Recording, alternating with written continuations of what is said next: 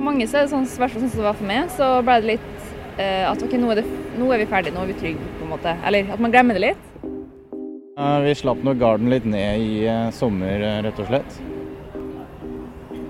Covid-19 sprer seg i Norge, mens folk fester, klemmer og reiser ut og inn av landet.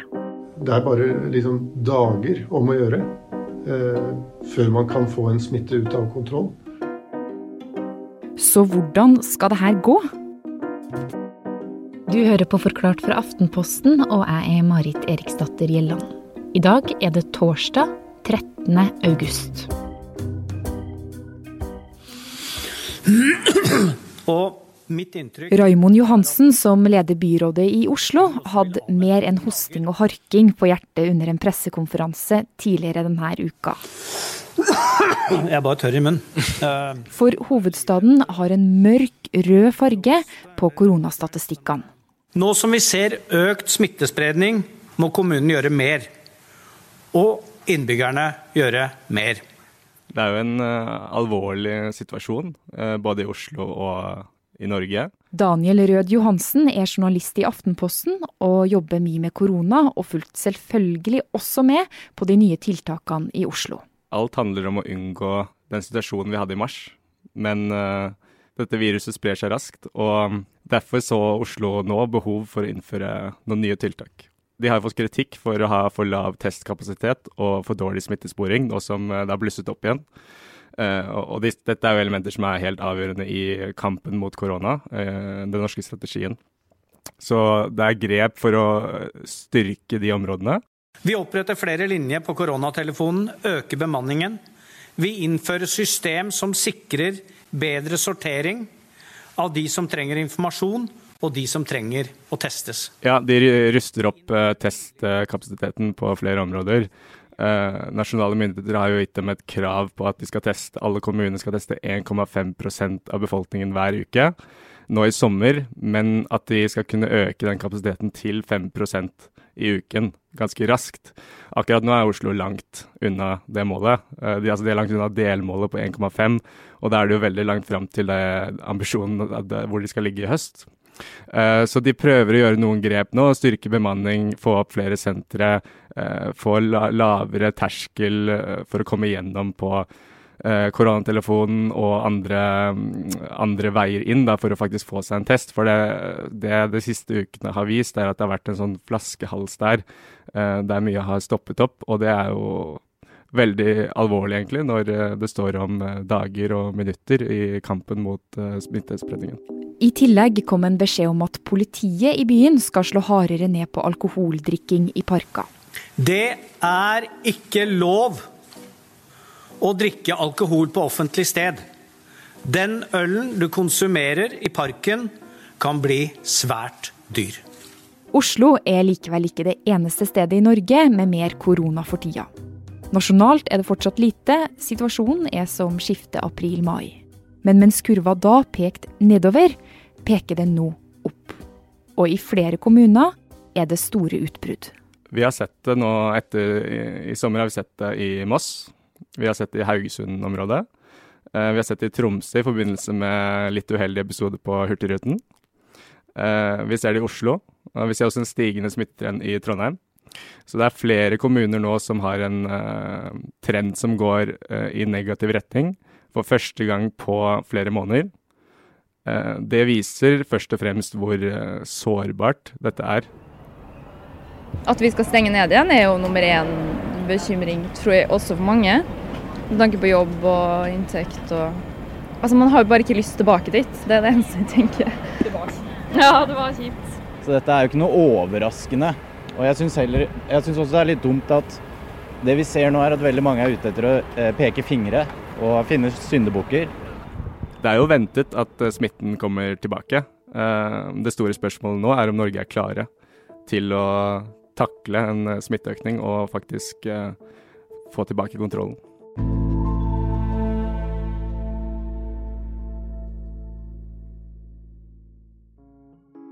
Vi har levd i håpet om en mer og mer normal hverdag. En god del av oss har reist på ferie i sommer til deilige, varme utlandet. Andre har tatt turen på Hurtigruta. Og så har det vært en del festing. Og smitten, den har økt. Nå skylder alle på hverandre, som her i Dagsnytt 18 på NRK. Og det gikk helt fint, i hvert fall sånn jeg oppfattet det, frem til man åpna grensene. Og da har det rakna. Og så har ungdommen blitt syndebukken på det, og det syns jeg virker unyansert. De unge er nok de som har fått mest pass i det siste. Det ser ut som eh, unge i 20-årene har glemt rådene og reglene litt mer og litt oftere enn andre. Stadig flere i denne aldersgruppen blir nå smitta, viser statistikken. I Haugesund, Trondheim, Bergen, Oslo vest og flere andre steder har folk med korona vært ute på byen, på fest eller fadderuke i forbindelse med studiestart. Det har igjen ført til at flere hundre har havna i karantene. Jeg tror ikke, nei, jeg, jeg syns ikke vi skal peke fingre på noen. Eller sånn eh, at, Ikke sånn unge Det er jo veldig lett med den der festinga, da. Eh, og studenttida nå. Al altså Når regjeringen åpner opp for å dra til Spania, så kan vi ikke begynne å, å skylde på de som faktisk drar til Spania. For dem, altså de har jo fått beskjed om at det er greit. Og så plutselig ble Spania rødt i løpet av en uke eller to. Eh, så det er, det er jo vanskelig. Så hvem er det som har skylda for at eh, smitten nå sprer seg, da, Daniel? Da myndighetene valgte å gjenåpne landet, så visste de at det var en risiko for at smitten kom til å øke. Ikke bare en risiko, men det var noe man kalkulerte, kalkulerte inn, eh, egentlig. Man åpnet for eh, reiser til utlandet og mente at det var eh, riktig.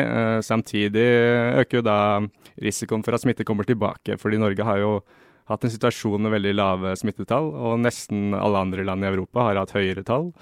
Eh, Da er risikoen eh, det, Da vil jo en åpning av grensene medføre risiko. Eh, Og så er det i en situasjon med lav, lav smitte, så er det jo veldig lett å um, senke skuldrene litt og tenke at det kanskje ikke er så farlig akkurat nå. Og det, akkurat når smitten er lav, så er, jo, stemmer jo det til en viss grad. Men samtidig så skal det så fryktelig lite til før det blusser opp. Det er det vi ser nå, men um, det er ingen eh, enkeltgruppe som er den store, store synderen i denne sammenhengen. Det er en eh, utvikling som er helt ventet, og som myndighetene har, eh, de har eh, regnet med at det kommer til å skje. Jeg sto jo selv på bussen for en, for en ukes tid siden, og da var det jo så trangt med folk. Folk sto jo tett i tett, skulder mot skulder, og jeg bare Å, herlighet, her, her må det jo Her er det jo sjansen stor for at noen blir smitta hvis eh, noen kommer på bussen med korona nå. Det er akkurat det. Det har vært veldig mange sånne situasjoner der man tenker at er noen smittet her nå, så kommer det til å gå galt. Og det er jo det som til slutt har skjedd. Ja, og jeg snakka jo også med noen av de som har vært på fest da, på Oslo vest. Og han sa det at eh, Ja, han havna også i karantene, faktisk. Og han sa det at han tenkte at det ikke var så, så farlig å dra på fest når smittetallet i Norge er så lavt. Eh, Daniel, har han egentlig et poeng her? Ja, det er jo et poeng at uh, risikoen for smittespredning er jo selvfølgelig lavere når smitten i samfunnet er, uh, er så lav som det har vært. Eh, når smittespredningen i samfunnet er høy, så vil risikoen være mye høyere for, eh, for smitte når folk samler seg og um, har kort avstand til hverandre. Det er jo det som avgjør om en situasjon er farlig, er om det er smitte der eller ikke. Det som er, eh, det som er problemet, er at man ikke vet. Hvis du går inn i en situasjon, så vet man jo ikke om noen er smittet. Eh, nå som smitten øker, så vil eh, enhver sånn eh, sammenkomst eller sånne typer sammenhenger og situasjoner medføre høyere risiko. Så man, det er kanskje grunn til å tenke seg litt ekstra om nå. Så jeg har forståelse for at man har tenkt, tenkt at det kanskje ikke er så farlig akkurat nå i sommer. Men det er veldig viktig å være huske på hvor raskt det kan blusse opp. Konsekvensene er ikke bare at festdeltakere, reisende og Hurtigruten-passasjerer må i karantene og isolasjon. Nei, i flere av de største byene er testkapasiteten ganske dårlig. Det vi ser nå, kommer vi til å se utover høsten også, med flere lokale utbrudd. Og så er spørsmålet om man greier å holde det på det nivået. Det er jo det myndighetene håper på og satser på, men det er absolutt ikke sikkert. Ja, for i enkelte kommuner så er jo, eh, så er det jo mye smitte, og i andre så er det jo nesten ingenting, eller ingenting. Um, og så når du ser overordna nasjonalt, så er det relativt få som blir smitta i, i Norge av korona fortsatt. Er det egentlig mulig da å havne tilbake der vi var i mars? Norge er mye bedre forberedt nå. Uh, man vet mye mer om viruset, vet mer om hva, hvilke tiltak som kan være effektive, hvor man skal sette inn, uh, sette inn kreftene uh, når det oppstår en situasjon. Men det er, veldig, det er jo ikke langt fra kontroll til en situasjon som er ute av kontroll. Og da kan man selvfølgelig havne i en situasjon der man igjen har behov for veldig sterke tiltak. Ja, jeg er bekymra for at vi må begynne å stenge ned igjen eh, bedrifter og um, ja, utesteder, restaurantbransjen. Jeg bare lurer på sånn, tåler vi, eh, tåler vi det igjen? på en måte? Vi er jo et land med mye penger, men det er det jeg lurer på, har vi råd til det? Når smitte blir oppdaga i dag, så er myndighetene sin strategi å teste, spore og putte folk i karantene. Dette er lokale tiltak, i motsetning til nedstengninga vi hadde i mars. Spørsmålet er om Norge vil klare å fortsette sånn fremover. Systemet er jo ikke 100% robust. Man uh, hører om uh, folk som sliter med å få test, og smittesporing som tar tid. og Det er noen, sånne, det er noen hull i dette førstelinjeforsvaret. Uh, spørsmålet blir jo hvor, om man greier å rette opp de, de svakhetene raskt nok. For hvis det blir for mange, for mange hull, eh, så vil eh, Forsvaret falle. Og da vil ikke strategien fungere. Og om de her lokale tiltakene ikke funker, så må myndighetene inn med regionale tiltak. Første omgang kan det være eh, mer hjemmekontor, mer, flere tiltak for å hindre trengsel i kollektivtrafikken. Én meter kan bli til to meter igjen. Men hvis heller ikke det fungerer, og den negative utviklingen fortsetter, så kan de enda sterkere tiltakene komme. da. Det aller sterkeste er portforbud. Veldig unorsk tiltak. Da kan det være at du kanskje bare får forlate hjemmet ditt da, for å handle eller ta en treningstur. Det de prøver å unngå, som ble gjort i mars, er en nasjonal stenging av skoler og barnehager. Det så man var et tiltak som eh, kostet samfunnet veldig mye. Samtidig som smitteverneffekten er eh, eh diskutabel. da. Så det kan faktisk hende at Norge stenger ned igjen? Det er mulig. Det, hvis smitten går for langt ut av kontroll, så er det det som kommer til å skje. Munnbind er et siste tiltak mange har vært opptatt av. Folk har hamstra, og prisene de har skutt i været. For helseminister Bent Høie har varsla at det trolig kommer en anbefaling i morgen.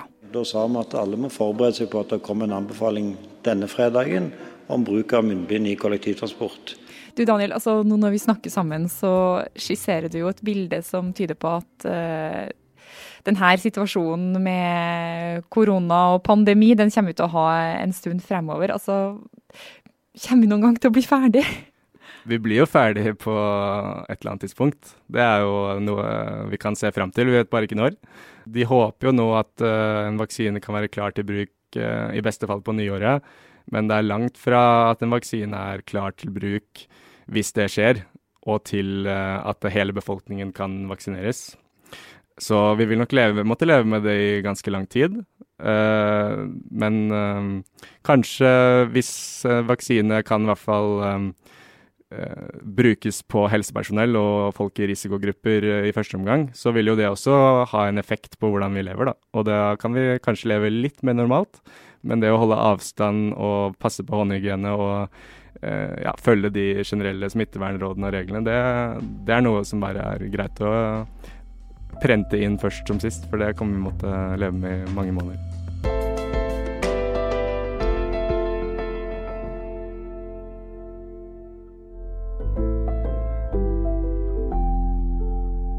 Forklart lages av Caroline Fossland, Fride Næss Nonstad, Anne Lindholm, Andreas Bakkefoss og meg, Marit Eriksdatter Gjelland. I denne episoden har du hørt lyd fra VGTV, NRK og regjeringas nett-TV.